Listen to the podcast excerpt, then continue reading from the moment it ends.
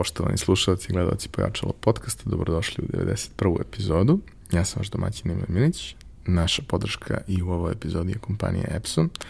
A danas imam e, veliku čast da ugostim jednu fantastičnu damu a, e, koja je na čelu jedne ne tako velike, ali zaista divne porodične priče a, e, jedne fabrike koja proizvodi neverovatno kvalitetne proizvode, što je u toj industriji baš redkost. Moja današnja gošća je Mina Ragićević iz uh, Kosmajske delikatesne radionice. Jeste. Hvala. Hvala na ovako lepom uvodu. Um, kako bi objasnila ukratko šta je ono što vi radite, odnosno šta je Kosmajska delikatesna radionica? Pa mi se bravimo proizvodnjom um, visoko kvalitetnih i jako ukusnih um, delikatesnih proizvoda od mesa. Znači, to, to najkraće eto. Ja recimo mogu da preporučim buđolu i kulen i svašta nešto i da, ovaj, da, svako ima svoje favorite. Mi smo se upoznali kroz, kroz intervju koje smo radili za moju firmu, ja sam pre toga znao za vas i probao proizvode i sve, ali tom prilikom kada smo bili i u proizvodnji i prošli sve onako čudno obučeni i tako dalje, kako to sve mm -hmm. već mhm. ide kad moraju da se poštuju ovaj, standardi i propisi. Uh, zapravo smo se zaista uverili i od tada je to jedini izbor koji ja pravim kada, kada su suhomesnati proizvodi u pitanju. Tada smo se zaista uverili u to koliko je ta priča uh, neverovatno dobro i osmišljena i realizovana sa koliko pažnje, ljubavi, pre svega koliko znanja je celo to napravljeno i potpuno mi je i tada i danas bilo neverovatno da neko pravi nešto na tom nivou kvaliteta u zemlji u kojoj u principu nema baš razumevanja za to previše, a nema ni nešto mnogo para, pa kako izgleda boriti se na tom tržištu? Pa ovaj, svaka priča ja mislim da ima više uglova iz kojih može da se gleda. Ovaj, um, mislim da je uh, da smo mi zapravo pogodili pravu nišu jer je ona nepopunjena i ovaj vi imate puno proizvođača, bave se od nisko kvalitetnih do nekog osrednjeg kvaliteta proizvoda. E, svi se nešto trude da zapravo dobace do sto, što većeg broja ovaj, konzumenata. Um, i u siromašnoj zemlji kakva smo mi, da su primanja prosječnog potrošača, da kažemo, niska ili srednja, ovaj, nuditi im nešto što je visoko kvalitetno i samim tim i skupo je skoro, skoro blesavo, je li tako? Ovaj, ali je ta niša dobro pogođena i ona je zapravo, ona nije proizvod moj, ona je proizvod mog oca koji je ovaj, dugo radio u industriji, bavio se u stvari hla, hlađenjem industrijskih pogona u mesa, mesarstvu, mlekarstvu, proizvođačima jaja i tako dalje. I stalno se pitao zašto smo mi kao zemlja koja voli hranu. Znači, mi volimo da jedemo i volimo da proizvodimo hranu i tako dalje, zašto mi u stvari nemamo visoko kvalitetne proizvode i zašto se nama prodaju, ne znam, italijanski, španski proizvodi kao jako visoko kvalitetni, kao mi se baš ložimo na to i spremni smo da to izvodi, da izvodimo lovu. I, ovaj, I onda je, valjda kad mu je već dosadilo da radi to što je radio, ušao taj projekat i kad je on umro, mi smo samo nastavili taj talas. Ali mislim da je tada kada je kada je to gađano, gde to treba da bude, mislim da je jako dobro pogođeno. I samim tim kad si mali ovako, a igraš se sa velikim igračima, nešto i mi ne smetaš, pošto skuplji si, nije veliki obrt, um, ono... Ne upadaš u oči. Ne, pa nije da ne upadaš u oči, oni svi znaju za nas. Mislim, mi se svi međusobno poznajemo i ovaj, prosto im ne smetaš, jer ne igraš njihovu utakmicu, oni tamo nešto igraju svoj, svoju neku utakmicu u kojoj ti ne učestvuješ. Mi stvarno ne učestvujemo, uh, posmatramo što oni rade i to je to, eto. Ne sećam se nekoliko razgovora sa ljudima koji su, da kažem, u sličnim nišama, u smislu da u nekoj masovnoj industrijskoj proizvodnji oni gledaju da gađaju ono top 1% uh -huh. za sve. Uh, I vrlo, vrlo često je ta tema kao, pa dobro, kako neko veliki ne kaže, mm, ovi mi samo smetaju to sve. Pa kao, kažu oni, sve je Tokio, s vremena na vreme nekome upadne u oči, onda krene da kopa, istražuje sve. i dođu svi manje više do istog zaključka. Ovo je preveliko cimanje. Jeste da, preveliko je cimanje, zarada nije tako velika kako je na nekom drugom segmentu. Ovaj, Ja ne znam, ja vrlo poštujem svoju konkurenciju i kažem ti u dobrim smo odnosima, znači ne mali broj sam njih i upoznala, imala priliku s njima da razgovaram, ja prosto samo mislim da je za velike kompanije da rade nešto ovako na ovakvom nivou, ne mogu to ni da postignu. Mislim, igre velikih brojeva tamo negde, koje ja opet ne razumem, znači ja razumem ove, ove moje okolnosti. Tako da ovaj, veliki je hasl da proizvodiš nešto u maloj količini. Mislim, ne zadovoljava, ja mislim, velike kompanije to. Oni žele mnogo brojeva. Žele mnogo brojeva i neki ljudi koji donose odluke imaju nekakve ciljeve u nekim Excelima gde tako je, što god tako to naža, nešto je preveliko cimanje za beznačajan profit tako. možda na kraju dana. Tako je. Sjećam se kada smo bili ovaj, na tom intervjuu, osim što ste nas proveli kroz pogon i što smo imali prilike da se upoznamo sa celim procesom proizvodnje, da vidimo kako mm. funkcionišu i nabavka sirovina i pakovanje i sve, da probamo većinu tih stvari. Ja najviše volim te intervjue na kojima se proba. Ove, ovaj, svi znaju da su mi dva omiljena intervjua koje smo radili Kosmenska i Mesara Jokić, jer kao ista je bila priča, kao da vi dođete malo ranije, da ostanete malo duže, da mi to nešto malo da probate, da vidite kako je to sve. Ovaj, sećam se uh, da je to otprilike tada bilo obišljeno kao veoma, ne veoma, ali, ali mala fabrika, odnosno mala proizvodnja koja je otprilike uh, ono, nakon, nakon više decenija rada uh, tvog oca uh, bila projekat kad je njemu otprilike se smučilo sve ostalo, rekao, e sad ću ja da napravim to kako to stvarno treba, da ga ja napravim idealno da bude kako treba. i to će sigurno sa sobom povući određene rezultate, što nije baš uvek sigurno u poslu, nije. ali je makar ono postavljeno od starta da bude zaista idealno isplanirano i optimizovano, pravljeno i od nule, nije moralo da bude prekrajano Tako. nešto što već postoji i tada mi je bilo potpuno fantastično način na koji je to sve organizovano, kako to sve izgleda, koliko je to sve uredno i koliko su ti neki ljudi koji su, da kažemo, ključni u, u celoj priči da, da sve funkcioniše, bili i emotivno i na, na druge načine investirani u, u, u, u projekat, koliko im je bilo stalo, da bi mi ti onda objasnila u suštini da je to porodični projekat.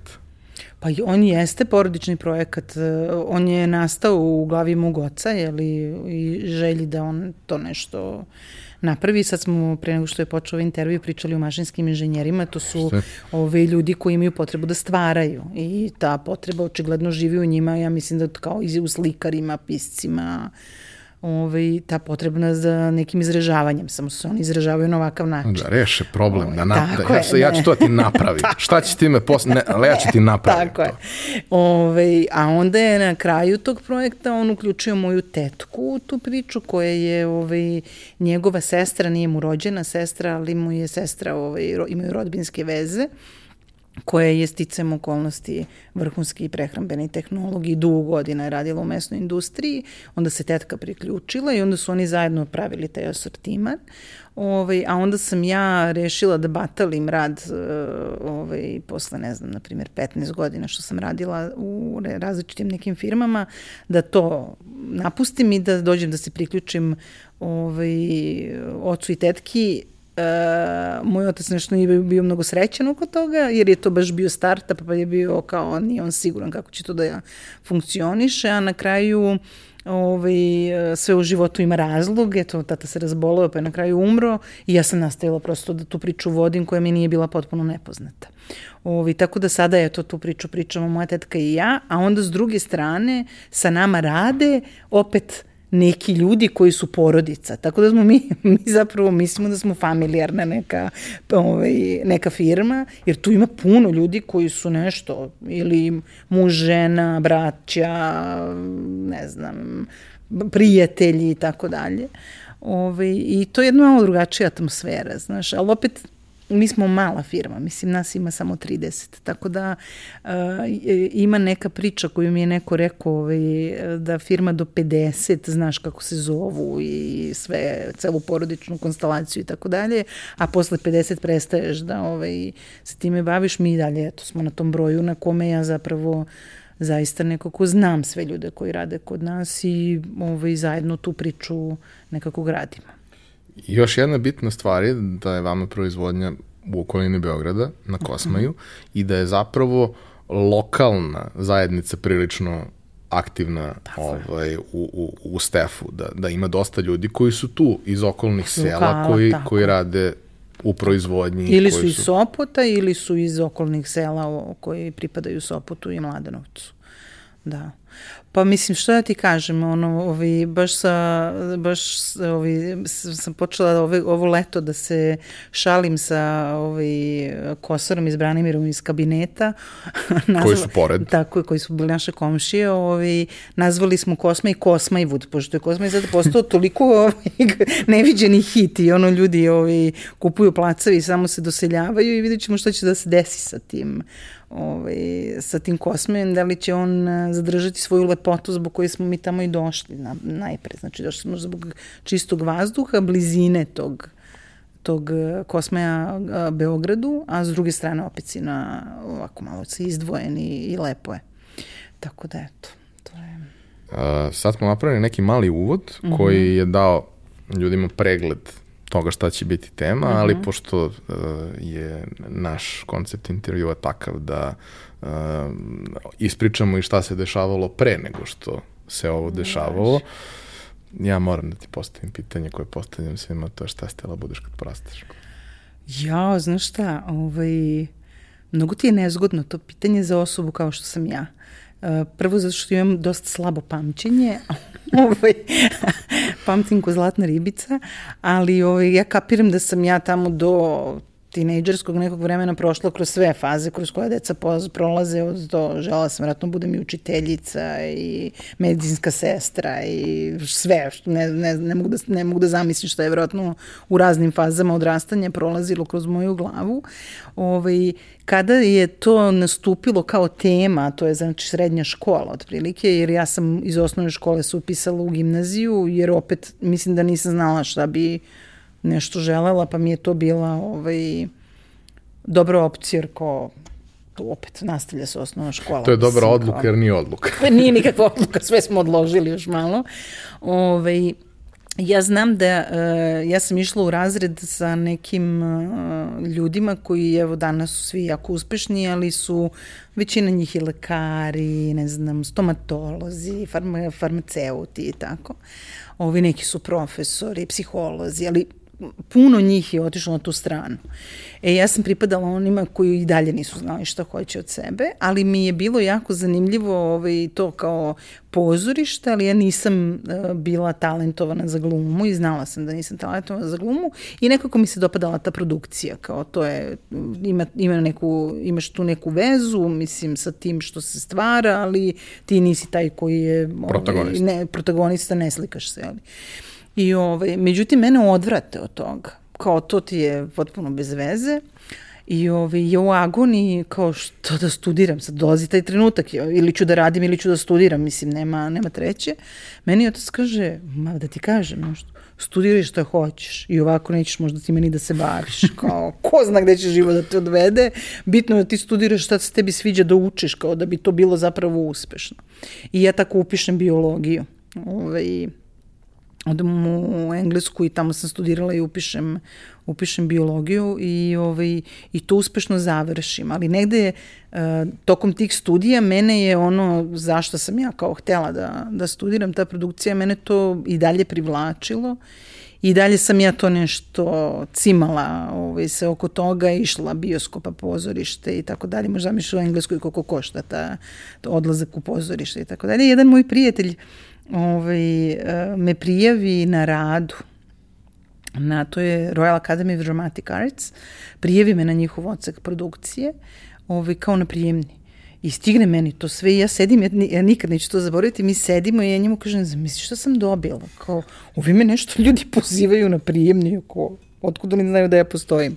I ovaj umire od smeha i ja i on kaže, pa znaš kad sam te ispitivo, on je meni stvarno ispitivo nešto, tamo vjerojatno popunjavo taj, mislim, to je prošli vek, tako da ovaj, pisalo se rukom. I, ovaj, slalo se poštom. I, ovaj, I ja sam otišla na taj prijemni I položila sam i to sam studirala i mnogo sam to volela. I zapravo mislim da se danas na neki način time bavim neki... Primenjen. primenjeni način, ali da. A... Ali mislim da mi je to, ako bi morala da ti sada odgovorim na to pitanje, mislim da je to zapravo bila moja prva ljubav. Ajde, neka ozbiljna ljubav. Kako je tekla tvoja profesionalna karijera pre nego što si se vratila, ušla u, u, u porodični biznis? Mm -hmm. Pa znaš šta, ja sam došla iz Engleske, tamo su nas nešto ovaj, driblali kako je super kad volontiraš, jer tako ti sebi ovaj, otvaraš vrata, upoznaješ ljude, pokazuješ svoje talente i otvaraš sebi vrata za eventualno neko zaposlenje. I onda sam ja ovde došla i počela sam da volontiram. Ja mislim isto da je super da volontiraš u Engleskoj. da, pa to sam se tela da ti kažem. ovde to ne radi. Oj, ovaj, um, ja sam ovde došla i moje prvo volontiranje je bilo na Bitefu. Uh, I to je bilo zabavno. To je, de, to je Bitev koji je bio um, faktički pred 5. oktobar se taj Bitev odigravao. A ja sam se vratila nešto u julu mesecu. I ovaj, i uh, upoznala sam tako te neke ljude, ali sam shvatila da zapravo uh, koliko, je, koliko je fantastično kada zapravo odeš negde da studiraš, jer stvarno ti se otvori jedna, jedna rupa u glavi za koju nisi ni znao da imaš. Toliko je taj povratak uh, dosta tragičan. Ovaj, zato što um, mi teško prihvatamo drugačije od onoga u što verujemo da je jedino ispravno. I sad sam ja došla tamo naučena s nekim isku, s nekim da, takođe iskustvima. Ta akademija je jedna od najboljih akademija na svetu, mislim. Tako da uh, studirati tamo i imati mogućnosti da radiš na nekim produkcijama koje su zaista vrhunske i da stičeš takve iskustva uh, I onda se vratiš ovde i shvatiš da to niko niti ceni, ni to će te čuje, ni da ga zanima šta ti imaš da predložiš i tako dalje. Tako da sam ja odvolontirala taj bitev, pa onda dugo nisam ništa radila. I onda sam se zaposlala u PG mreži koju su osnovali Zoran Ostojić, Lila Radonjić i ti Olja Bečković. Ovaj, oni su zapravo otišli sa studija B i osnovali su, osnovali su PG mrežu i ja sam tamo došla da radim kao organizator. I bilo mi je lepo. To je ovaj, moj prvi, prvo iskustvo. Pa sam iz PG mreže a, nešto otišla da radim na studiju B, odatle sam pobegla gavamo bez obzira i to sam otišla tamo da radim jer sam, a, direktor je postao Branimir Grulović, on je Uh, ja sam njega nešto upoznala, mi smo nešto radili za BBC zajedno i upoznala sam čoveka, bio jedan ozbiljan čovek i onako kao neki, kao neki ono, father figure. Ovaj, odnosno nismo radili na, za BBC, nego smo radili nešto za srpsku radioteleviziju u Banja Luci. On je tamo nešto radio, ja sam, ja sam nešto s njim, s njim radila, pa sam odatle nešto radili za BBC. A sve je bilo tako nešto u prolazu. Ništa nije bilo, nije bilo kao substanca, kao nešto ozbiljno. Ove, ovaj, I onda sam otišla na taj studio B, odatle sam otišla, otišla sam na 92-ku, radila sam na 92-ci nekoliko godina, to je bilo baš lepo iskustvo. Ove, ovaj, I onda sam odlučila da ne mogu više da to, nisam, nisam se snašla u tom sistemu u kome nema love. Naša televizije, ne znam kako danas to izgleda, i, ovaj, ali naše televizije tada kad sam radila na 92 oni nisu imali para. Bez obzira što su bili finansirani, na, na, na, uvek je tu falilo za taj kako ti kažem, to je skupa igračka, pa za taj izvršni deo danas snimaju serije, svašta se nešto radi. To tada, tada, tada kad sam se ja time bavila nije bio, nije bio slučaj. I, ovaj, I meni se to malo nešto sve nije dopalo i bila sam pozvana da dođem da radim u nekoj marketinškoj agenciji koja se zvala Publicis, ovaj, ali da volontiram. I ja sam prihvatila taj izazov. I ja sam iz volontiranja ušla u radni staž, znači dobro sam to odradila. Ne mislim da sam pogrešila i zapravo mislim da kada ti investiraš, kad nije investicija s druge nego ti investiraš, pa investiraš sebe, a pritom zaista dodata vrednost ne postoji. Ti ništa ne daješ, osim da učiš što treba da se radi. Ove, ovaj, uh, mislim da je to dobro i šteta što se to ovde ne vidim da ljudi to danas rade i nekako mislim da kad bi im ponudio da volontiraju da bi pali u nesvest, kao šta ja da volontiram, jesi ti bre normalan? Ove, ovaj, ja sam izvolontirala pa sam onda ušla u radni staž i lepo sam radila taj posao, iz publici sam otišla u Lio Bernet i iz Lio Berneta sam a, došla u porodični biznis i tu sam se najduže zadržala, evo 11 godina sam već tu. E, šta bi, ako bi izvojila uopšte nešto, što, što su ti iskustva iz raznih prethodnih poslova koje si radila, šta ti je to donelo onog trenutka kada si ušla u nešto što je de facto preduzetništvo i nešto što je mali sistem, potpuno drugačiji, u tom trenutku veoma mali, sa, sa nekim zdravim rastom, ali vrlo sporim, mm. a ti dolaziš iz nekih velikih sistema gde postoji i mnogo više resursa i svega i ok, postoje i ograničenja, ali kakva ograničenja postoje u malom biznisu, ovo ostalo je ništa. Šta su neka najvrednije iskustvo koje bi izdvojilo? Pa vidi, ja prvo ne mislim da sam radila u velikim sistemima. Znači, 92. je bila najveći sistem, a ona nije bila postavljena kao korporacija, bez obzira što je nas bilo baš puno. Imali smo i radio, i televiziju, i izdavaštvo, i sva što se tu nešto, i internet, i sva što je tu nešto postojalo, ali ja nekako 92. nikada, znači radila sam prvo u domu omladine, pa smo onda prešli u novu zgradu. Ovaj, ja nekako to nikada nisam doživljavala kao korporaciju, zato što imala taj bila je prožeta tim nekim, nekom strašću zaposlenih i nekim, neku, zaista nekim onako toplim odnosima. Ja nekako korporaciju doživljavam vrlo pa ono hladno. Pa ono kad je 92. izgubila to, prestala je da pa, de facto postoji. Pa faktički prestala je da postoji, tako je. I mislim, ostaje žal zaista za, za, ti, za, za tim, zato što je bilo, bilo je lepo. Ovaj, ali zato je nije uspelo. Znači, mm, ne može na velikoj skali da bude da bude to što je esencija na maloj skali. A ove druge firme nisu, ne, ne, nisam doživjela da su korporacija. Šta sam tamo naučila? Ovaj, pa mogu ti kažem da sam svašta ponela iz tih firmi. Nešto su i odnosi, kako su se odnosili, kako, kako treba da, što je najplodonosnije u stvari, kako, kako odnos između ljudi ili sa zaposlenima, kako on bude najplodonosniji, kada su oni zadovoljni, kada su nezadovoljni, šta im se daje i tako dalje. Ovaj, razvila se neka divna prijateljstva koje do dana danas traju, što je ovaj, posao nije za to, ali me kod mene se tako desilo. Ovaj, um, pa ne znam, davno je bilo, Ivane, stvar, znači, ali eto, možda te dve stvari koje su, koje su odatle izašle. Kontakte, puno kontakta, mislim, zaista. Kada si se uključila u porodičnu priču, šta je bila tvoja uloga? Jao, ja sam se u porodičnu uklju... ja sam se u porodičnu priču uključila tako što sam rekla mom tati ja, ne, ja, ja hoću da se odmorim ja hoću da ti mene zaposliš, ja želim da budem tvoja čerka.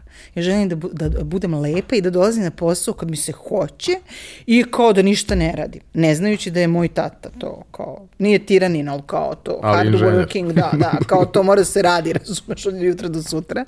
I ne znajući da ovaj, to u startupu ne može. Može, maš, ja čerka Milo, ne znam, Mišković, pa ja lepa. Mislim, kapiram da ni ona, da i ona mora da šljaka, ali kao koncept taj, ja sam promašila temu. Znači, bukvalno sam kao promašila sve, on je bio u fazonu, ne, ne, ne, mislim da nije trenutak, ja sam navaljivala, navaljivala, on je rekao, ajde ko, dobro, kao, kao ti, ali kao ja mislim, ne, ne, ne, ja hoću, kao to što tražiš, to ne možeš da dobiješ, ma, mogu, mogu.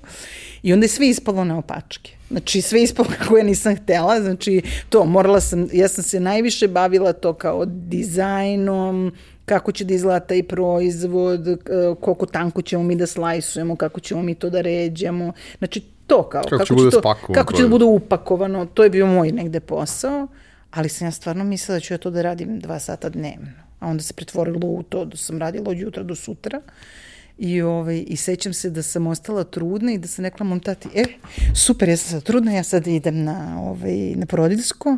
On mi je rekao, bože gospode, pa šta ćeš da radiš na tom porodiljskom? Rekao, pa neću da radim ništa. Mislim, šta rade ovi što odu u firmi na porodiljskom? On kaže, a pa oni su drugo kao ti moraš da radiš, kao nema. Ti si moja deta. To, to, to, nema zezanja.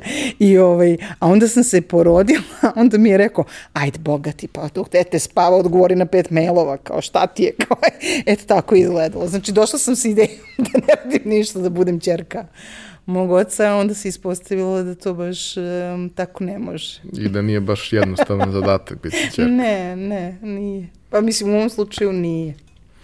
Kako se cela priča sa, sa kosmijskom uh, razvijala od početka pa do danas? Dakle, ok, uh, osmišljeno je šta to treba da bude, proizvodni pogon je isplaniran, krenula je realizacija, ali sve to nema veze ni sa tržištem, ni sa plasmanom, ni sa svim ostalim. Jako je bitno da ako praviš premium proizvod, on bude adekvatno izdizajniran, ispakovan i sve. Ali kao, ok, rešiš sve te neke stvari mm -hmm. sa, sa checkliste i... Ja, pa kod nas je to sve bilo malo zvrda z dola. Iz raznih razloga. Znači, za početak ta priča s mojim ocem je započeta u nekom partnerstvu, pa tu nešto zapelo. Kako sva partnerstva u Srbiji na kraju završe, u stvari, ovaj, vrlo malo ih je da su uspešna i da, du, da su dugotrajna. Ovaj, ovo je se raspalo, još nije ni počelo. Ovaj, pa onda smo promašili temu, nama je prvi dizajn radio Coba and Associates i napravili su nam zaista predivan dizajn i osmislili su ime, mi smo se zvali Kazamajak, pa je, imalo je priča zašto se zove Kazamajak.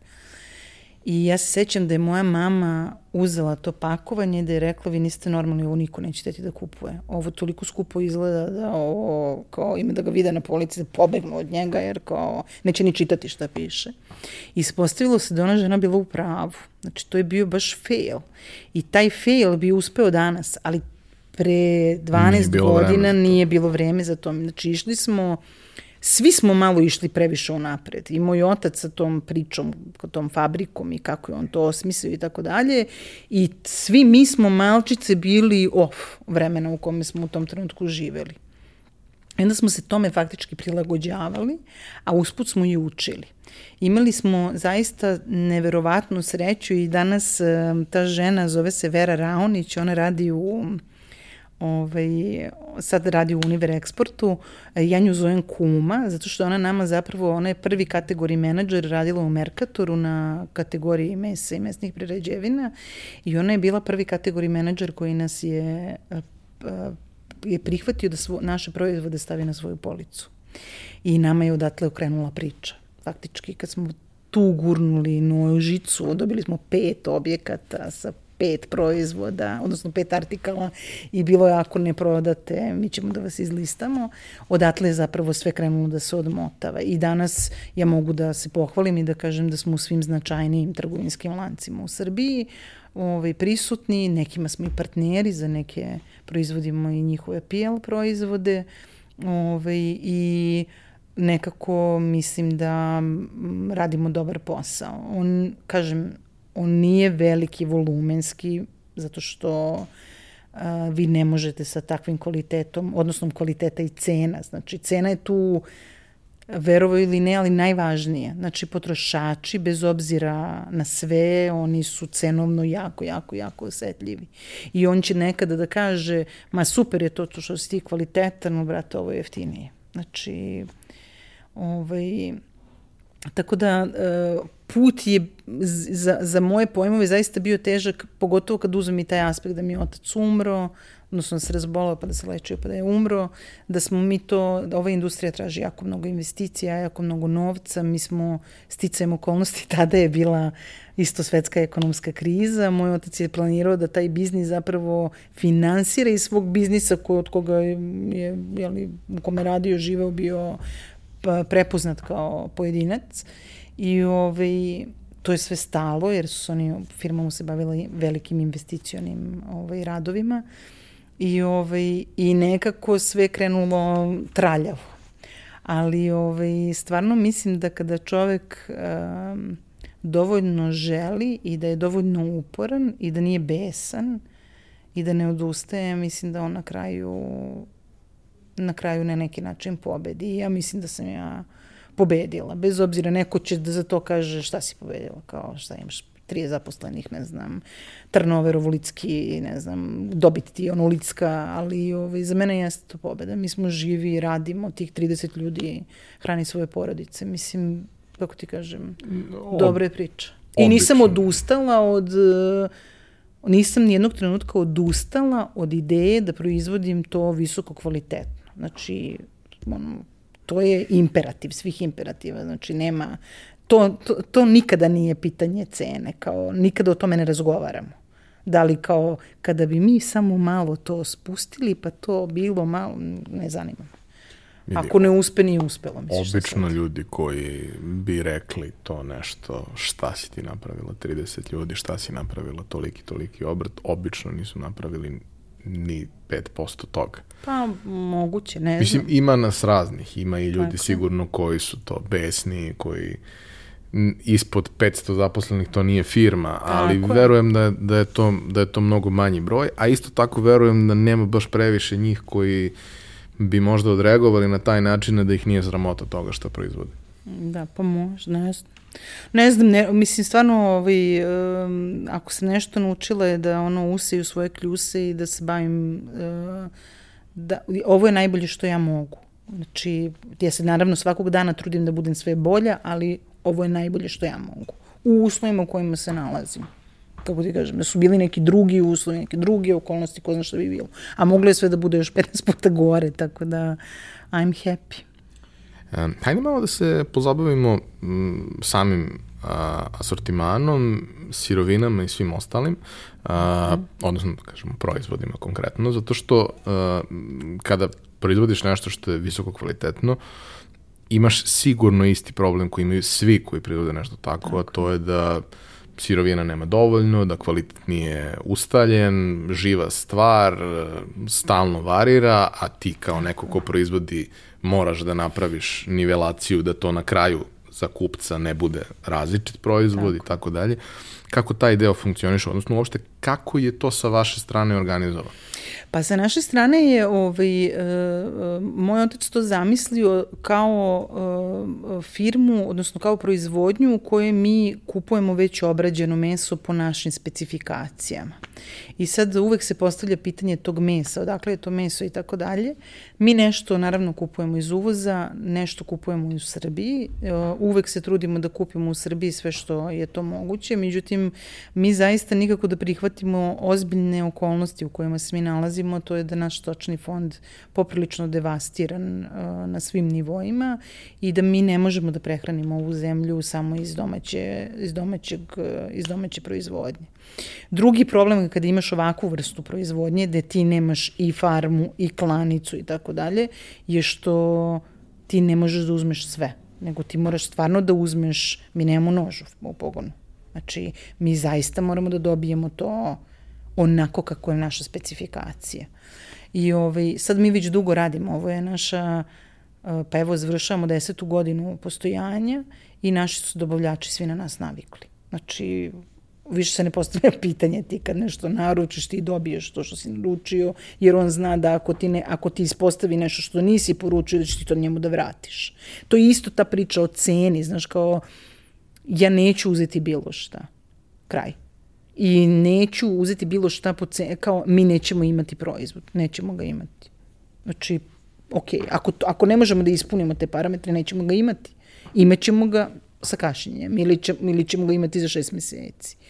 Ove, ovaj, I onda kad navikneš dobavljača, naravno u početku je bilo kao kako vi sad to nama vraćate, šta vas dve mislite ko ste vi? Ovaj, I ti si u fazonu, pa ni, ja ne mislim ništa ko sam, ja samo hoću da kupim to i to po toj i toj specifikaciji, ako može, ako ne može, uzmi svoje i nosi, mislim, sve okej. Okay.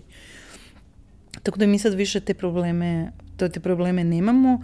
Ono što je takođe problem je što, što je naša uh, ti, ti tražiš dobavljače i kada nađeš tog jednog dobavljača koji će ti da so takvu ili papriku takvu ili ti se zakačiš za njega i ti više ne tražiš okolo, nego imaš tog jednog može da bude opasno ako taj jedan iz nekog razloga više to ne može.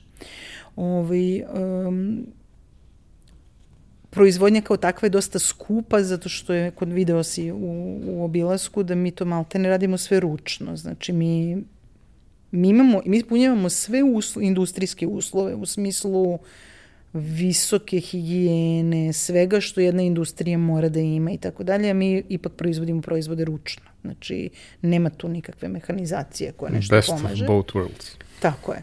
Um, I uh, kada mi neko kaže to kao, ali vaš proizvod je skup, uh, ja se odmah uhvatim, samo kažem pa da, jeste, ali uh, ti dobiješ najbolje u tom proizvodu. Bolje od ovoga bi bila organska proizvodnja, znači kada bi sad otišli u organik, ali to bi bilo toliko skupo da za to, ja mislim, to, ako smo mi niša, onda je to niša, niša, niša, znači to je tačkica jedna u Srbiji za koju mislim da u ovom trenutku nema potrebe da se čovjek cima. Mislim. Znaš šta, ti si mnogo fina. Imam ja neki prijatelje koji su isto tako ovaj, pasionirani u svom poslu i isto prave, kažem, proizvode koji su daleko iznad proseka i vrlo blizu samom vrhu mm. i samo to mi njima isto tako kažu da je to skupo i onda je jel skupo? Evo ti ga napravi za manje. To može da bude jedan od odgovora i ja sam mnogo fina pa ti to sad ovako kažem, ali ovaj, ja, da, ja šizim od toga i najviše šizim, uh, najviše šizim kada krenu da nas upoređuju pa ti onda uz, izvade najgoreg ovaj, i kažu ali kod njega. I ja to stalno poređujem, ja stalno to upoređujem sa kolima, moj direktor prodaje sad e, već dugo, ja se time ne bavim, on se uglavnom bavi takvim stvarima, ali on je umir od smeha kad, se, kad je počinjao da radi kod mene, zato što sam ja njemu to pričala kao, ne možeš ti da porediš BMW-a sa Fićom, mislim, kao, to, ni, to prevešćete jedno i drugo, ne. I on kao, gde se uhvatila majke ti automobila? I kažem, pa ne znam kako da dočaram drugačije, ali to zaista jeste tako. I jedno i drugo će da te doveze na destinaciju, gde god se destinacija nalazi. Pitanje je udobnosti, sigurnosti, sad sto stvari, šta će se desiti na tom putovanju, ali da ćeš stići tamo hoćeš. I ovde ćeš se najesti. Proizvod je, je li tako? Oba proizvoda su ista, mislim, krajnji ishod, pun stomak. Uh, ali sad se postavlja pitanje koliko je nutritivno vredno, na, na, na. Mi stvarno brinemo o tim stvarima, znači u s, apsolutno svakom koraku, znači od to, od odabira sirovine do toga kako mi tretiramo to meso dok ono nije na kraju došlo kod nekoga da mu bude sastavni deo sendviča ili nekog pladnja, predjela ili ne znam. Znaš šta, uh, opet ono anegdota sa, sa prijateljima i sve ostalo, ja sam u tom trenutku klinac, imam 20 dve, tri godine i počinjem da spoznajem svet oko sebe jer internet i sve to mm -hmm. i sad mhm. kao znaš, ono, ovde odeš da, da gledaš satove i nema ništa skuplje od, u tom trenutku nema ništa skuplje od 1000 eura u radnji, onda odem ovaj, nešto pre toga dok sam, dok sam bio još mlađi, odem kod tadašnje devojke u Austriju i gledam neki satovi izlogu i sat mi se mnogo sviti. Ona me pita šta mi se najviše sviđa, ja gledam i najviše mi se sviđa jedan sat. Kao koliko je? 450.000 eura. Dobro. Ok, i sad komentarišem to u nekom društvu prijatelja koji su stariji od mene i koji još ono, drugačije žive i sve ostalo. Ja sam tad tek kao krenuo, radio sam već duže, ali sam krenuo ozbiljnije da zarađujem i prosto ono kao krećeš da otkrivaš malo svet kad već možeš da priuštiš neke stvari, ali ne možeš baš sve. Tako. I kažem, brate, meni nije jasno kako to može da bude toliko skupo i to sve. Moj drug Bojan me gleda i kaže, nije skupo, samo nije za tebe. Tako je. No, kako ti misliš nije za mene? Nije za tebe. To ti je kao ono Tako koliko je. košta jahta. Ako te zanima koliko košta, nije za tebe. Tako ako moraš da razmišljaš koliko te košta održavanje nečega, ili ne treba to da imaš, ili ako baš stvarno voliš, ok, ali kao, to je za ljude koji ne razmišljaju o tim Tako stvarima i uvek postoje ti neki top, top, top luxury brendovi gde prosto je to neka suluda količina para. Kao i kad si inženjer, popraviš ne znam, ono, farmu servera i, i treba da napraviš da nešto radi sa 99,99999% uh, sigurnosti da će, da će biti stabilno. Tako. Svaka devetka povećava 100 puta cenu. Tako je. Sad, da li ti je dovoljno 99%? Koliko je to godišnje? To je, ne znam, četiri dana da ne radi. Uf, nije. A koliko je ako je 99,9? U nekom trenutku dođeš do nekog odnosa Tako. šta ti je prihvatljivo. Nekome je prihvatljivo više, nekome je prihvatljivo manje. Dobro, da, da, jeste, mada ja imam neku teoriju koja nisam sigurna da li je ispravna, ali je moja teorija, nisam je testirala. ali ja sam u fazonu da svi ljudi znaju šta je dobro, samo ih razlikuje količina novca koji imaju. I da kada čovek ima novca, on ume da se odredi prema skupim stvarima i ume, u stvari ne prema skupim stvarima, nego ume da se odredi prema kvalitetu kada on treba da preživi od danas do sutra, njegove su, njegov fokus je potpuno na drugoj stvari, a to je kako da preživi. A kada ti imaš mogućnost da izabereš, jer jeli, pred tobom je izbor, onda je to ovaj, zanimljivo i zašto ćeš se tada zakačiti. Ja nisam do sada srela nikoga ko je probao naše proizvode koji nije pao u nesvest, znači koji nije rekao ovo je stvarno vrhunska stvar, srela sam one koji kažu ovo je vrhunska stvar koju ja sebi ne mogu da priuštim. I to je to. Dobro, to je potpuno da... okej. Okay. I pritom, mislim, a, za male proizvođače cena je uvek veoma značajan faktor. Tako je. Ove, ovaj, I mnogi posežu za tim da spuste cenu po svaku po svaku cenu, po svaku da bi cenu, mogli da, da dođu do, do što većeg broja ljudi, a kao kad tako. sedneš da pričaš sa njima, a što vi to radite? Pa da bi moglo da nas priušti milion ljudi. Ali vi možete da proizvedete za milion ljudi? Pa ne možemo. Pa što onda to radi? Dobro, ja mogu, Ivane, da proizvedem više nego što proizvodim, ovaj, i volela bi, ali ovaj, um, opet ti kažem, znači to je... Ne bi, ne bi pristala da proizvodim više, da, a da urušim kvalitet. Uh, ne smem da rastem ni previše brzo, zato što onda to ne mogu da ispratim. Znači, igrica je složena kada ti nisi... Kad nemaš nekoga ko ti ono, pomaže iz senke ili kad uh, sam nešto ne ležiš na ne, nekom rudniku pa ono, te baš briga odakle vadiš jer uvek kad zahvatiš ima ovaj, onda je malo drugačije. A, pomenula si kako je izgledao ulazak u prvi sistem uh. -huh. i... Mi smo, nisam ti samo to rekla, znači mi smo tada imali sreće, zaista. Znači prvo pojavili smo se sa niš proizvodom koji je bio drugačiji. Ja mislim da je danas, kada bi se danas pojavio drugi, druga kosmajska, drugi delikus, uh, ja mislim da je njima neuporedivo teže. Zaista. Znači, mislim da je, zato što je zasićenje je veliko, mi smo dosta sada otvoreni, ti danas možeš na, na polici da nađeš i špance, i to vrhunske špance, i, fran, i francuze, i nemce, i italijane, i tako dalje. Svi oni zauzimaju zauzimaju tu teritoriju i onda ti možda kad se pojaviš sa vrhunskim proizvodom, on kaže šta će mi još jedan, evo imam pet, šta ćeš mi sad i ti šesti. A mislim da smo se mi pojavili baš u dobrom trenutku da popunimo tu rupicu sa domaćim proizvodom. Tako da mislim da smo u neku ruku imali i sreće. E, obično kad ljudi pričaju uh, o saradnji sa velikim lancima, uh mhm. -huh. uvek je to ono, onaj moment da mali super sarađuju sa malima, veliki super sarađuju sa velikim, ali mali i veliki ne funkcionišu baš uvek idealno. A, kako je u vašem slučaju izgledalo širenje? Obično kada se ulazi u, kada si mali ulaziš u neke lance, prvo se testira, pa se onda širi u okviru lanca na više objekata, pa možda, u zavisnosti od toga kakav je dogovor, postoji neki ekskluzivitet neko vreme, pa se onda možda širi i na druge neke objekte, ali ono, vi ste krenuli od malog broja objekata, relativno malih količina, gde sad to već je značajno, značajno veće. O, jeste, da. Kako je izgledao taj put u smislu, uh, kako je vama izgledao taj rast uh, i organizacija interna i drugo, koji su sve tu bili izazovi, pošto možda ne moramo da ih imenujemo, to je na, na tebi, ali uh, postoji taj loš glas koji bije lance o uslovima plaćanja, kašnjenjima i svim ostalim stvarima gde ti suštinski imaš skup proizvod, sirovinski skup proizvod gde treba da kreditiraš nekoga koja je 100 puta ili 1000 puta veći od tebe, to baš i nije tako jednostavno. Dobro, i on kreditira potrošače. Mislim, sve to vezano. Mi smo svi u nekom, mi smo svi vezani kod creva Znaš, nisti, nisti, ono, no man, man is an island, tako da niko nije sam usamljen u tome. Oni finansiraju potrošače koji pišu čekove na šest meseci da bi kupili hleb. To govori o ekonomiji ovog, ovog, ove zemlje, o društvu u kome mi živimo i tako dalje.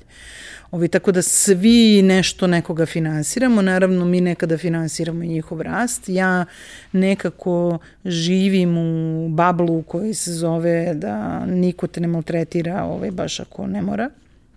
Ovaj, da, ja sam naivna, ali ovaj, moji odnosi sa, sa lancima su dobri, ja zaista radim sa fantastičnim nekim mladim ljudima, imam dobre odnose sa njima i zaista i gradim na jednom drugom modelu. Znači, njima bude jako interesantno kada mi dolazimo na sastanak, zato što mi dolazimo iz korporacije. Znači, mi nismo taj kao, mi smo veliki, mi ćemo sad na na na. Mi uvek imamo taj neki prijateljski nastup i uvek nam se dobro vrati. Znači, stvarno, ja za sve ove godine ne znam da li sam imala neka dva incidenta ili neka dva, neke dve neprijatne situacije koje nisu mogle da budu rešene uh, na prijateljskom, na prijateljskoj osnovi. Uh, I um, pitao se mi kako je to izgledalo. Uh, ja mislim da mi organski rastemo. Donekle. Ovaj, u nekim trenucima nije organski rast kad ti imaš rast od 50% u toku jedne godine. To nije organski rast. To je ozbiljan, ozbiljan rast. Kad ovaj, ćeli u telu rastu tom brzinom, to je obično tumor. Tako je. E, ovaj, nama su se dešavale i takve godine, a uglavnom se dešavaju godine da imamo 10-15% rasta, to neki sanjaju, ali ti kad si mali, mala ti je baza, nešto se, se kao mi hvalimo, kao mi poraste 15% u toku jedne godine ili im podrastu nam promet, pa tvoja bazica je ovolicka, ovome što je baza ovolika, njegovih 15% je ozbiljan kolač i to je mnogo teško, oni budu zadovoljni kad imaju rast 2%.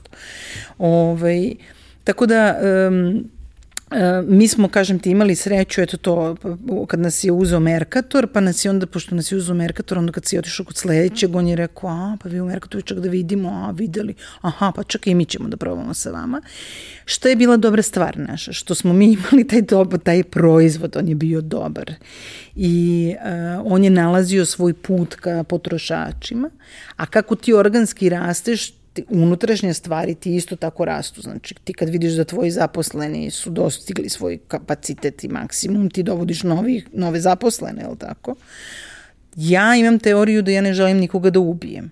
Ja nisam, ja sam imala priliku u životu da radim i za ljude koji nisu ovaj, uh, koji nas nisu tretirali najbolje kao, kao zaposlene ili su od nas očekivali da mi damo sve, telo, dušu, ono, da budemo potpuno njihovi za koje god novce. Ja nekako mislim da moji zaposleni treba da imaju život. I to mi je parola. Pošto ja želim da imam život, onda sam u fazonu, pošto ja želim da imam život, ovo je valjda i ovi žele da imaju život. I mi smo firmu organizovali tako da mi ž, ono, uh, radimo da bismo živeli, znači da bi imali neke druge stvari i okolnosti. A s druge strane, kada treba da se zapne, nikada mi niko nije rekao ja neću. Zato što oni znaju, ja ne, zove, ja ne zovem zaposlene van radnog vremena, mi uglavnom ne radimo subotom i nedeljom. Znači, ja nekako se trudim da to bude dostojno čoveka. Znaš, To naravno onda ima drugu cenu, ja nemam, ne znam, zaradu, ono, da sam milioner.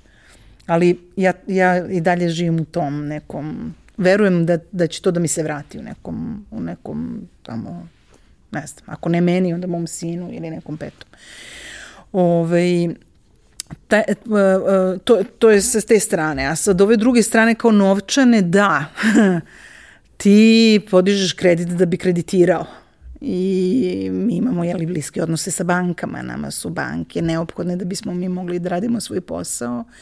Pogotovo um, kad sam pre, kad, sam, kad je moj otac umro, Uh, pa posle nekog izvesnog vremena ja sam tu nešto ovaj, uposlila, bila neke ljude koji su trebali da mi pomognu da mi stanemo na noge. Međutim, izbor ljudi je bio pogrešan i su to sve bili fenomenalni profesionalci, ali fenomenalni profesionalci za korporacije. A ne za, za preduzetništvo. To su tako različite stvari. Preduz, možeš da budeš fantastičan u korporacijskom, e, korporacijskoj nomenklaturi, da su ti fenomenalni rezultati. Ali kad uđeš u preduzetništvo da propadneš potpuno. Nemaš resurse na koje Tako si ovamo je. navikao. Tako Znaš, kao, da. treba neko da, ono, treba da se uradi ugovor. Ništa šta zovite pravnu službu, koju pravnu službu? Tako je, tako je, tako je. Znači, uh, ljudi se ne snalaze u preduzetništvu, mnogo je teško, mislim, mnogo je teško, sve je drugačije, teško. Teško i da imaš... Potpuno je drugačije. Tako je, potpuno je drugačije. Ovaj, um, I uh, onda smo um, morali da, u, da, kako da kažem, uzela sam nekog finansijskog konsultanta i on je posle jedno šest meseci meni rekao, ja nikada nisam sre, nikada se nisam susreo sa težim biznis modelom. I ja se sećam da je ovako sedim i da gledam u čoveka i kažem, izvini Saša, a šta je ovde tako teško? A on meni kaže, pa ovo što ti radiš? I kažem, bože, svašta. Meni je to normalno, jer ne znam da postoji drugo. Meni kaže, i ti znaš bre da, da postoji proizvod koji ovde, u, ovde ubaciš, tamo nešto izađe. I to je spremno za prodaju, prošlo je između ubacivanja i spremno za prodaju 15 minuta. Ti imaš proizvod koji ti se proizvodi 90-100 dana, a onda ga stavljaš na tržište i čekaš da ga naplatiš isto toliko kao šest meseci lutko ti je turnover između kupila si meso i naplatila si kilogram mesa. I ja kao, aha, a to je teško. On kaže, pa ne postoji komplikovanije zato što sam se do ja, kao što ja sam se do sada nisam sreo sa komplikovanijim. I ovaj, I tek sam tada počela to da kapiram i imam sreću da opet uh, radim, trebalo mi je vreme da dođem do banaka koje to kapiraju, da znači da skapiraju biznis model, bre, da kao kapiraju u čemu se mi nalazimo, šta radimo, zašto je potrebno da oni nas finansiraju i da mi finansiramo naše kupce. I da, oni plaćaju sve od pa ne znam, niko mi ne plaća u 60 dana, svi plaćaju 60 plus. Ne znam ih to plus da izbrojim na kraju ovaj. Ali to više nije ni važno. Važno je zapravo, mislim da će ti to svaki preduzetnik reći. Nije uopšte bitno kada ćeš da mi platiš, bitno je izvesnost tog plaćanja. Samo mi kaži dan. Ili pa to da. 90. 120. 150. 280. Samo kaži dan. Jer kad se ja jednom doguram do 280. dana, sve posle toga postaje piece of cake, jer svaki sledeći je 280. dan, a to vrlo brzo dolazi jedno za drugim. Problem ovde je neizvesnost. Ti zapravo ne znaš kada će to da bude, to može da bude od danas do nikad u celom tom spektru. I to je u stvari stvar koja je mnogo mnoge ljude davi i mnogi ljudi odustanu i mnogi ljudi nemaju tu sreću da da ih, ne znam, banka razume, da razume njihove potrebe i tako dalje. Ali mi, na primjer, ne bismo postojali da nemamo banke. Da. To je ono što ja tebi kažem, to sa inženjerima.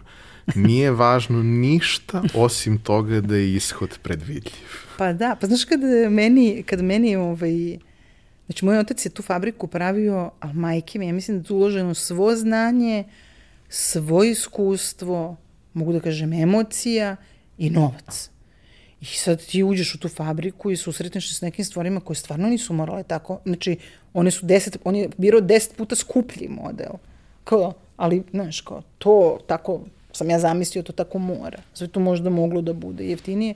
I e, mislim da se, da, da, da ima nekoliko stvari u biznisu koje su mi tako, teško mi padnu jedna je to vaš proizvod, evo baš sam kupio od konkurencije, pa onda uzme nešto najgore, ono kao dno, razumeš, i kao evo to... Ali dobra hemija. Ali super. Dobra hemija.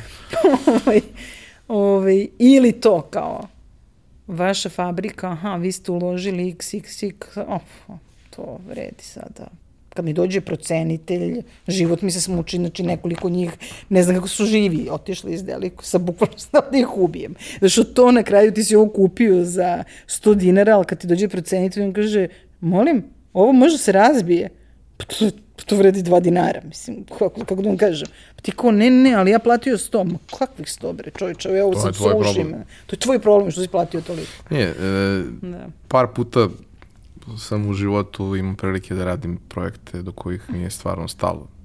I kad mi nije stalo, ja projekat uradim kako treba, zato što smatram da ako planiraš u životu da budeš profesionalac, to je jedini način, ali kad, kad imaš nešto što, do čega ti je stvarno stalo, kao što je bio taj pomenuti projekat moje firma, kao Ali to je bio Pare odličan, nisu bitne. Tako je. Ali je bio odličan projekat.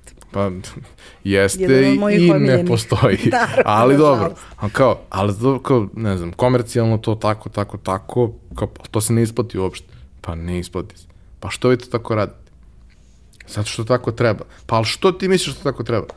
Zato što se ja, što isto nije normalno, u 30 godina vodim time, čime se tvoj otac bavio, vodio malo kasnije u životu, da kao, ja ovo 20 godina sam radio, 15 godina sam radio pre nego što sam počeo to da radim, svo znanje koje sam skupio, sve, sve, sve, sve moje strasti, sve moje želje, sve je u tom projektu, ja to gledam kao životno delo. Tako je. I kao, to Na je kraju to. dana e, ti za toga stojiš, znaš, to je kao, š- čime se vi bavite? Znaš, ja stojim iza ovoga, ja stojim iza ovoga, ono, da, ovo nije samo način da ja zaradim novac. Mi ovim hranimo ljude. Znači, mi dolazimo tim ljudima na trpezu, idemo im u stomak. Uh, nisam baš sigurna da bih mogla ja da živim sa tim da sam nekome prodala, ne znam, soju umesto mesa. Uh, I da mu to nisam rekla. Znači, nekako, ali sve to ono devojački san mislim kako ti kažem ni ono biznis tako ne funkcioniše on ne funkcioniše uvek na, na 100% iskrenom modelu Ovaj, ali za mene je to. I za mene je to na kraju krajeva, kako ti kažem, sećanje na mog oca koje ja na ovaj način čuvam od zaborava, zato što njegova ideja je bila ta. I mi to, mi danas izbacujemo neke nove proizvode i tako dalje, ali su oni uvek u toj liniji. Mi nikada iz toga, mi nikada iz toga ne izlazimo. Imala sam ja ponude raznoraznih, znači od toga em nam napravi nešto da malo na, na, na. Ispostavilo se da mi to ne umemo. Ima, ima neka, da ispričam ono, e, skorešnju neku anegdotu. Moja tetka kada napravi proizvod, pošto ona je u stvari taj glavni šef, mislim, iz, njene, iz njenog iskustva mi tu se dogovaramo otprilike šta bismo mi voleli, na, na, na, ali ona na kraju to upakuje. I, ovaj, I tetka kad god napravi neku probu koja ono, izuva, Znaš kako otvori vrata i kad uđe unutra i, i ono kažemo kako paun ima lepo, znaš ono, ona dođe, ko, čekaj da probaš ovo, pa sad ona tu, znaš, i sad je radila neki proizvod, nebitno, neko nam se je pitao da li bi mi mogli nešto da uradimo, neki test i ovaj, i sad prolaze tako nedelje, meseci, razumeš, prošlo je jedno tri meseca i meni sine da smo mi pre tri meseca nešto počeli. Ja kažem, je li bre, a šta je bilo s onim što smo probali kao da napravimo? A ona sedi kao, pa to je, mm, to se završilo. Ja kažem, aha, i? Kako je ispalo? Pa spakovano je. Ja kažem, dobro, nego, da mislim, je li dobro? I oko pogledam i kažem, pa u stvari uopšte to vjerojatno ne valja, čim ti nisi otvorila vrata i ušla unutra, razumiješ? To je stvarno jeste na nivou strasti. I kada to nije, ona je to nama donala da mi probamo. I to je u stvari skroz korektno. U redu je. Ali Samo nije, nije- njom, po njenom standardu. Nije standard koji mi, na koji se mi ložimo. Znači, za average je možda i bolje od average Ali, pošto ona nije, pošto to nije to što mi, na šta nas pali, ona je bila u fazonu, pa dobro, pa spakovali smo. Oni, oni su to završili pre, pre četiri nedelje i šteknuli negde, jer kao, ako se niko ne seti, To i da ne vidi super. niko noću se iznosi. to, to, to, kao da, super. I onda sam se ja šalila i rekla sam, pa da, mi ne umemo u stvari da napravimo proizvod koji nije spektakl. Pa, I sve manje od spektakla nama je kao, pa dobro. Ne, ja se sećam, mislim, moram da podelim to. Imaju čak i, i, i slike toga. Sad, mi, mi prolazimo kroz proizvodnje i u svakom od, svakoj od komora postoji to sve i postoji uh, komad koji je za testiranje da Tako je. se vidi i da je sve to. I sad kao prolazimo i ona komanduje, a mi smo svi fini, u, umotani onako i to sve. I ona kao, ajde, zini, seče. ne, ali ne, mora- čut, ja, zini. Kao, brate, šta je ovo? Kulen. Ovo kulen. Kao, pa, pa, pa, ali, o, mislim, ovo nema veze sa, pa, pa, to je naš kulen, šta, to, to je naš. I onda tako redom, redom i kao na kraju si oštećen za ceo život i ne možeš da jedeš druge stvari. Pa jeste, Ali imam, dobro. imam sin od 8 godina koji neće ništa drugo da jede. Ništa. Znači, to je do te mere da sam ja sad mu pre neki dan objašnjavala, e, bre, relja, Znaš, kao, neće dete, kao, ja sam tu izvadio ovo, izvadio sam odavde ono, na ono sam bacio, ovo mi je bljako, znači, je kao, čekaj, bre, sedi ovde, ti nešto objasnim sad, kao da ti, znaš, kao, ja ne, ja ne jedem baš svaki put, iako volim da jedem, vidi se, ali ne jedem ni ja svaki put nešto što je spek spektakularno, mislim, prosto nisi ni u situaciji uvek. A ovaj, Tako da je to ovaj, ono, strast je mnogo važna i šta te vodi. Nekoga stvarno vodi to kao sad ću zaradim lovu, sad ću kupim kuću, sad ću kupim jahtu, sad ću na... Mene, na primjer, to ne loži. Meni bude srce puno, majke. Znači, ja sam doživjela da meni konkurenti, konkurenti, to ozbiljni konkurenti, uh, me zovu da mi kažu da smo napravili fenomenalan proizvod, da su oni probali, da jedu samo taj proizvod.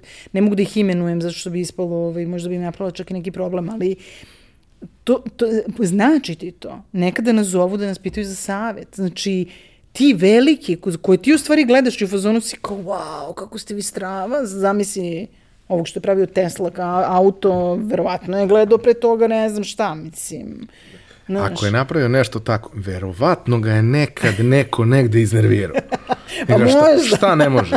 Ko ne može? Još ako je Srbin, možda, to je uvek da. ovaj, taj Tako moment. Tako da, ovaj, uh, lepo je to, znaš, lepo je kad to radiš, jedino što se mi nalazimo u mesnoj industriji, što kad kažeš da radiš u mesnoj industriji, ljudi uglavnom prevrnu očima, mislim. Pa zato što znaš. tu najmanje ima mesa. Uglavnom. Pa ne znam, valjda, ne, nemam pojma. Sećam se, uh, pre x godina imali smo saradnju sa, ima sigurno 6-7 godina, saradnju sa, sa jednim klijentom koji isto tako pravio proizvode koji nisu top end, ali zaista jesu objektivno dobri u nekom komercijalnom sektoru, vrlo dobri i on je bio jako ponosan na to što radi, mm. posebno što je on uspeo optimizacijom i organizacijom da napravi da to bude po nekim vrlo pristupačnim cenama, da može da bude masovno i to sve i kao pričamo ok, kao šta da radimo kao za neki promo video i to se nije to tad bilo ko sad da ti sa relativno jeftinom operom snimiš 4K video koji izgleda kao sa filmske kamere i sve ostalo, nego kao nešto, ali već je video krenuo da bude krenuo da bude bitan. Kao šta da radim? Kao dobro, šta su vam aktivnosti u narednom periodu? Pa ne znam, idemo na neki sajam, idemo na ovaj. Ok, ja ćete da imate na sajmu ono, testiranje proizvoda, tasting i to sve kao, da, da, da mm, uzmi telefon, uzmi kameru, bilo šta, snimaj reakcije ljudi. I ti, znaš, kod proizvodi nisu kao što danas to ima ono, i, i, i slatkih, i slanih, i ovakvih, i onakvih, koje kad vidiš ti se razboliš. Onda ih pojede, pa još ono rapsodije ukusa mm. i svega ostalog. Nije to tad, nije to izgledalo toliko spektakularno. Nije bilo baš ono, uh, nije bila mečka, bila je više dačija, ili u mom slučaju omiljena Oktavija, ali kao bilo je sasvim okej. Okay. Ali nemaš taj utisak da taj proizvod može bude fantastičan. Da ljudi probaju i ti kad vidiš da je probao, pa zažmurio, pa krenuo da se uvija, pa ne, ti to snimiš i pitaš ljudi, možemo da iskoristimo ovo što smo snimili, svi kažu može, jer su u tom trenutku, ono, svi hormoni su podivljali, sve je ludo, da, da pitaš, jel možemo da mu uzmemo prvorođeno dete, ako mi daš još jedan kolač, može, mislim, dakle. sve.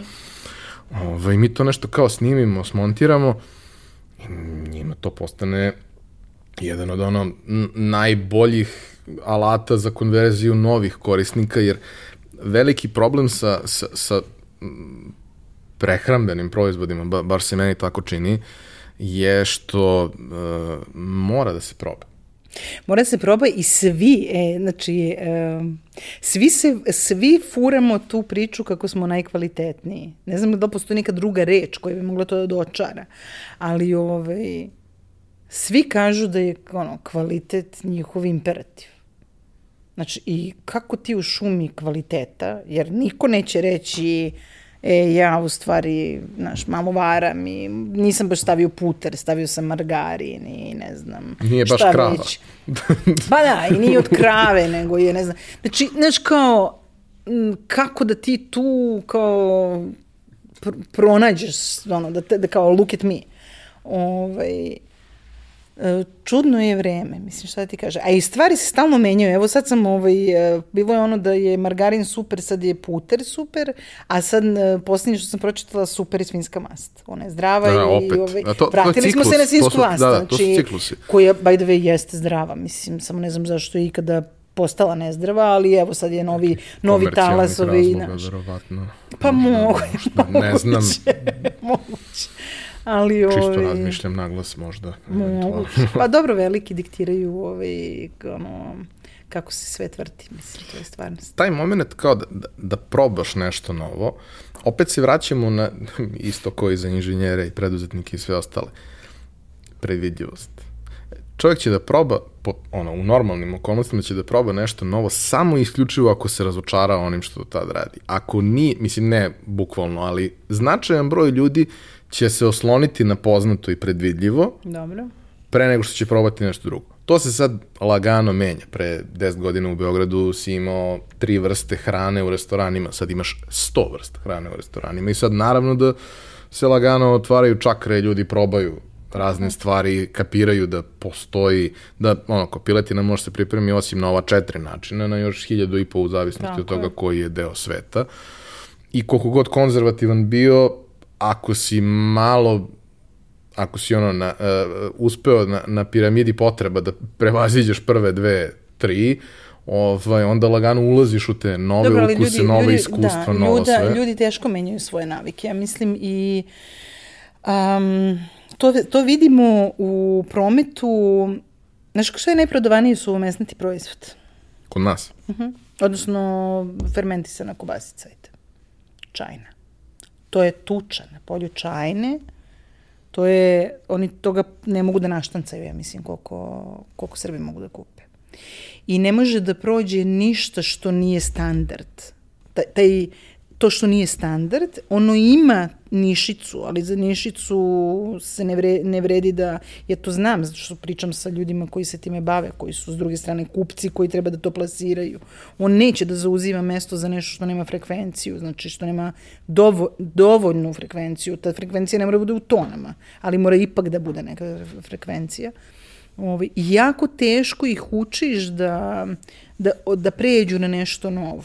Evo, da, naš kupac Deleze je postavio u ovoj godini sebi kao zadatak da uđe u onu prislajsovanu varijantu, da kada ti priđeš vitrini, već je nešto islajsovano.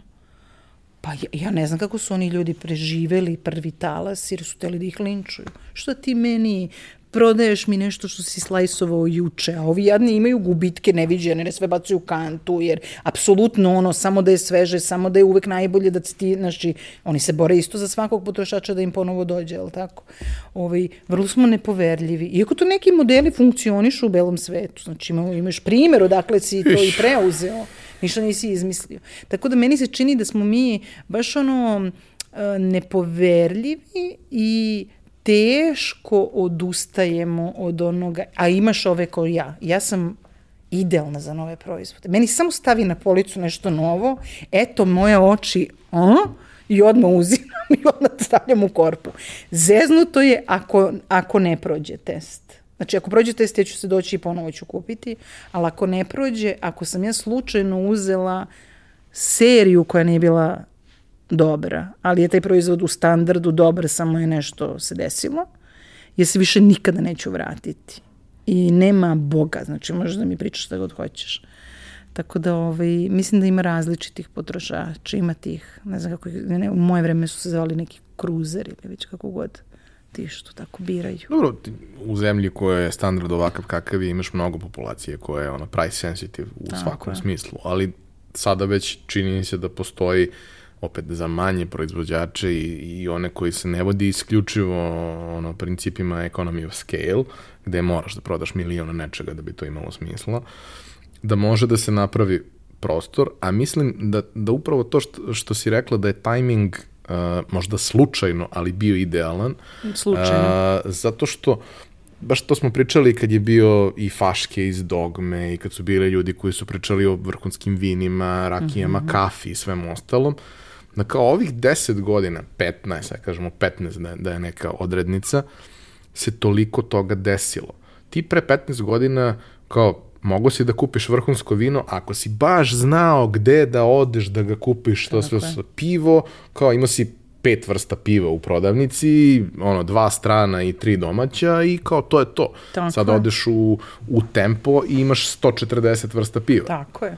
Tako uključujući je. i gomilu domaćih kraft pivara, domaćih kraft vinara, gomilu ovih koji, koji sada rade kraft kafu koja je isto nekakav miks i sve ostalo. I sad, s jedne strane, imaš pomodarstvo koji to sve prati, ali imaš i ljude koji zapravo se ono, investiraju i, i, i emotivno i vremenski u to da zapravo istraže šta je dobro i onda su nakon toga promoteri tih stvari.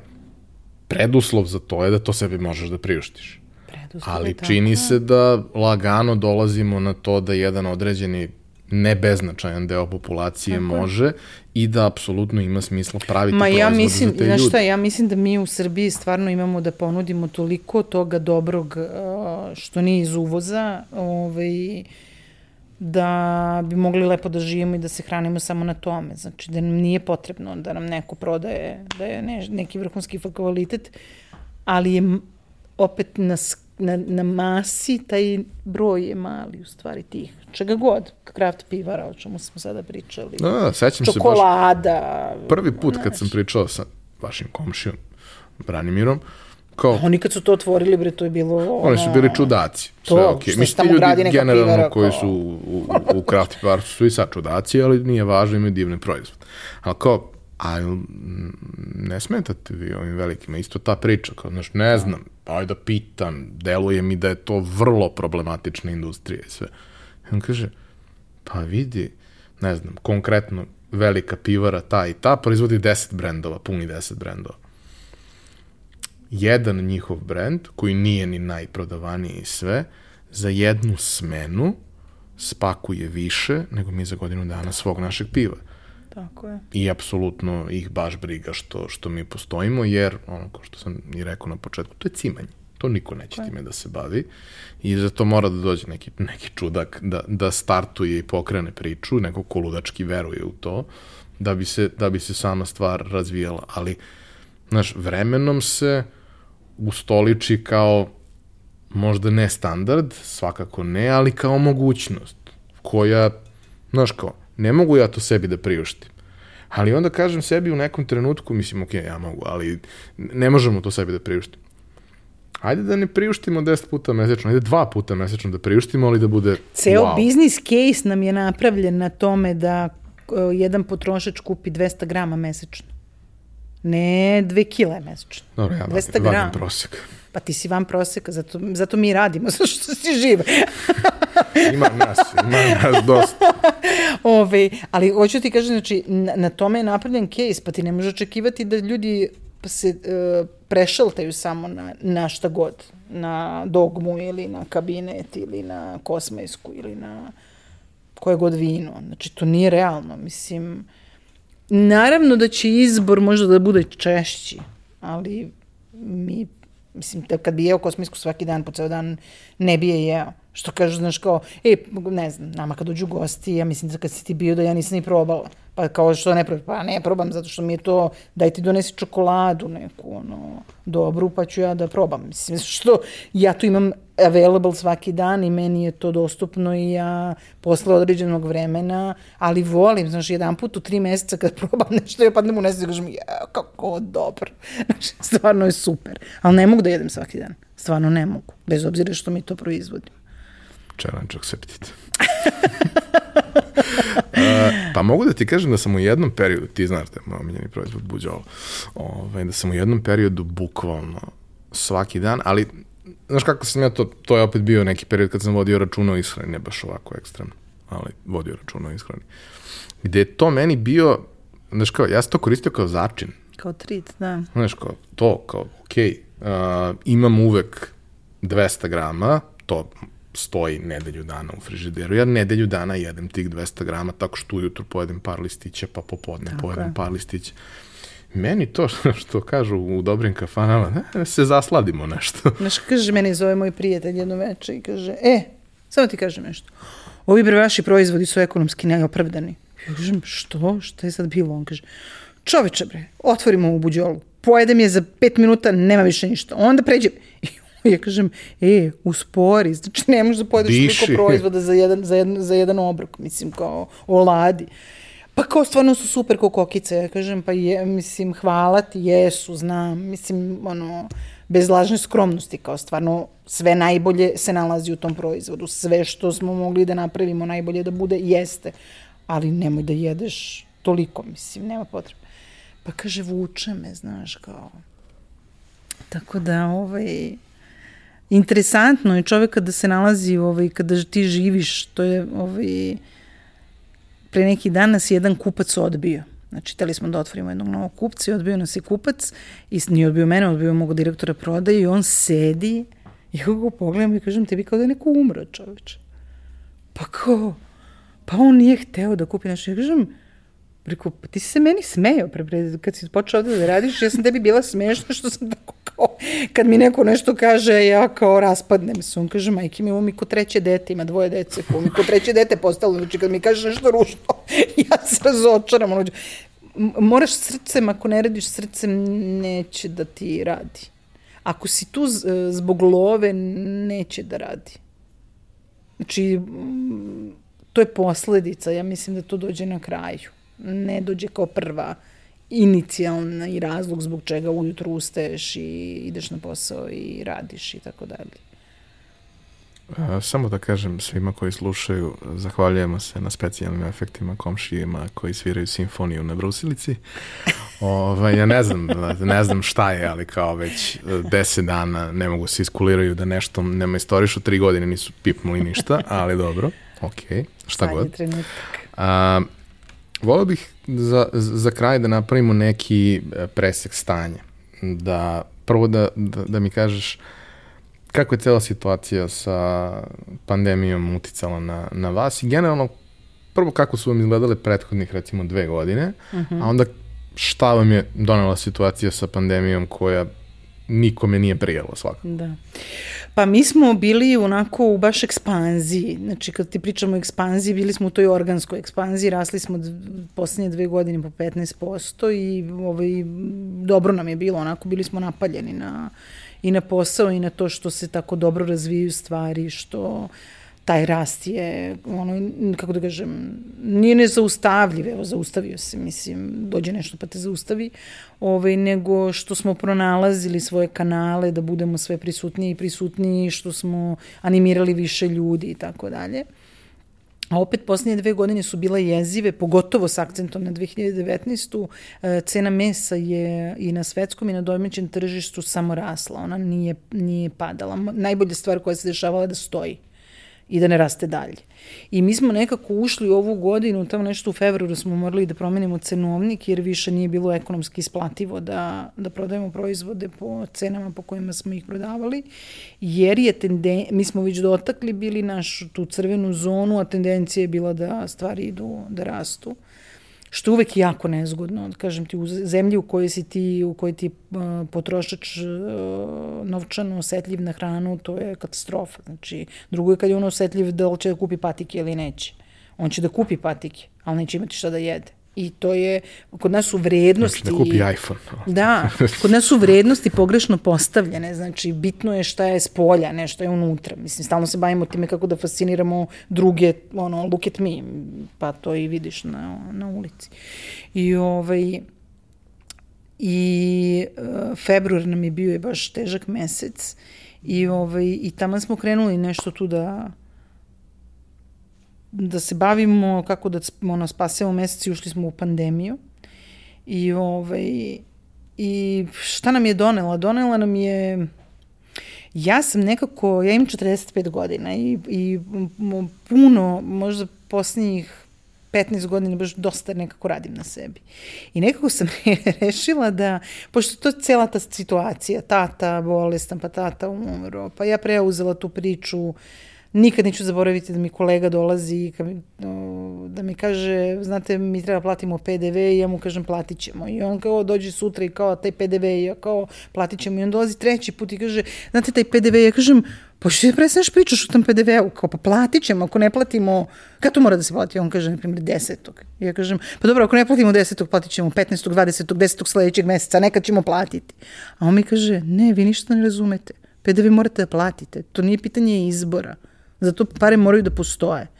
I ovaj, Samo za to, znači, ni za što drugo, drugo, ali za to e, mora. Ja sam morala da naučim biznis from the scratch, znači ja zaista ništa o biznisu kao takvom nisam, ne sam znala da radim, ali ne znam kako funkcioniše biznis, to zaposleni, prava, ne prava, trala. I ovaj... Uh, Tako da sam rekla sebi, cool, što god bude, bit će, što god mi je namenjeno, tako će da bude. Ja ne mogu sad da izgubim nerve zato što smo ušli u pandemiju koja je veća, bre, ne od mene, nego je veća i od ove države i od svih ljudi na ovom, na ovom svetu i mi smo sve svi u istom džaku, mislim, svima nam isto, šta. I meni i ovom u Danskoj, kao mi se nešto razlikujemo, pa svi smo u problemu. I ovaj, završit ćemo godinu, imat ćemo neki pad, Mm, malo smo morali nešto da se reorganizujemo, pretumbamo, da budemo efikasniji. Ja sam naravno kao svaka ono, dobra devojčica nabavila svega, maski, rukavica, da, alkohola, ispunila sve uslove koji treba i koji ne treba, koje sam sama izmislila da treba. U frci da će neko da mi se razboli u firmi, ne daj Bože, i da kucam u drvu, razbolila sam se samo ja I, moj kolega iz prodaje sa kojim ja delim a, prostor. Ove, svi ostali su ove, zdravi i pravi. Ove, e, I eto, nadamo se, nadamo se dobrom. Znači, kao nešto sam u fazonu, dobro se dobrim vraćam, mi smo dobri ljudi i dobro, do, dobro radimo i ono, kao trudimo se, budemo dobri samarićani, pa kao valjda će nam se vratiti dobro. Nemam neke planove, pošto ovaj, sam shvatila da čovjek pravi planove, a Bog mu se smeje, ovaj, ono, radimo najbolje što možemo, u okolnostima u kojima se nalazimo. Eto, to je, to je plan. I plan je da možda sledeće godine izbacimo jedan do dva nova proizvoda. Ove, ovaj, radili smo neke probe, zadovoljni smo kako je to ispalo, sad je sirovina trik, ali ove, ovaj, vidjet ćemo što će da... Na koliko ste proizvoda sad? Mi sad imamo 10 proizvoda. Da. Ok. Uh, ja bih voleo da verujem da se dobrim ljudima koji prave dobre proizvode dešavaju dobre stvari.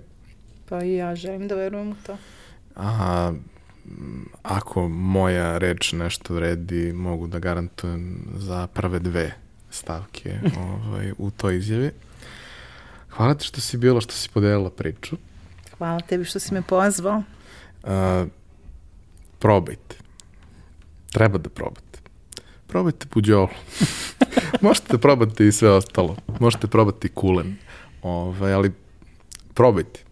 I podržite one koji se zaista trude da naprave sjajne proizvode i da možda ne mogu da pomere industriju, jer mali teško da mogu da pomere nešto što, što je toliko veliko, ali mogu da naprave opciju, mogu da naprave mogućnost za sve nas koji smo konzumenti da zaista probamo nešto što je van serijski. A jednom kad probaš nešto što je van serijski, onda ti nije baš lako da se vratiš na, na, na nešto što je obično i prosečno. Hvala ti Ivane ovaj, na lepim rečima i na pozivu. Hvala vam što ste nas slušali, hvala kompaniji Epson što nas podržava u, u ovom našem poduhvatu, kao i do sada sve svoje predloge, komentare, pitanja ostavite u komentarima na YouTube-u i na društvenim mrežama i Vidimo se sledeće nedelje.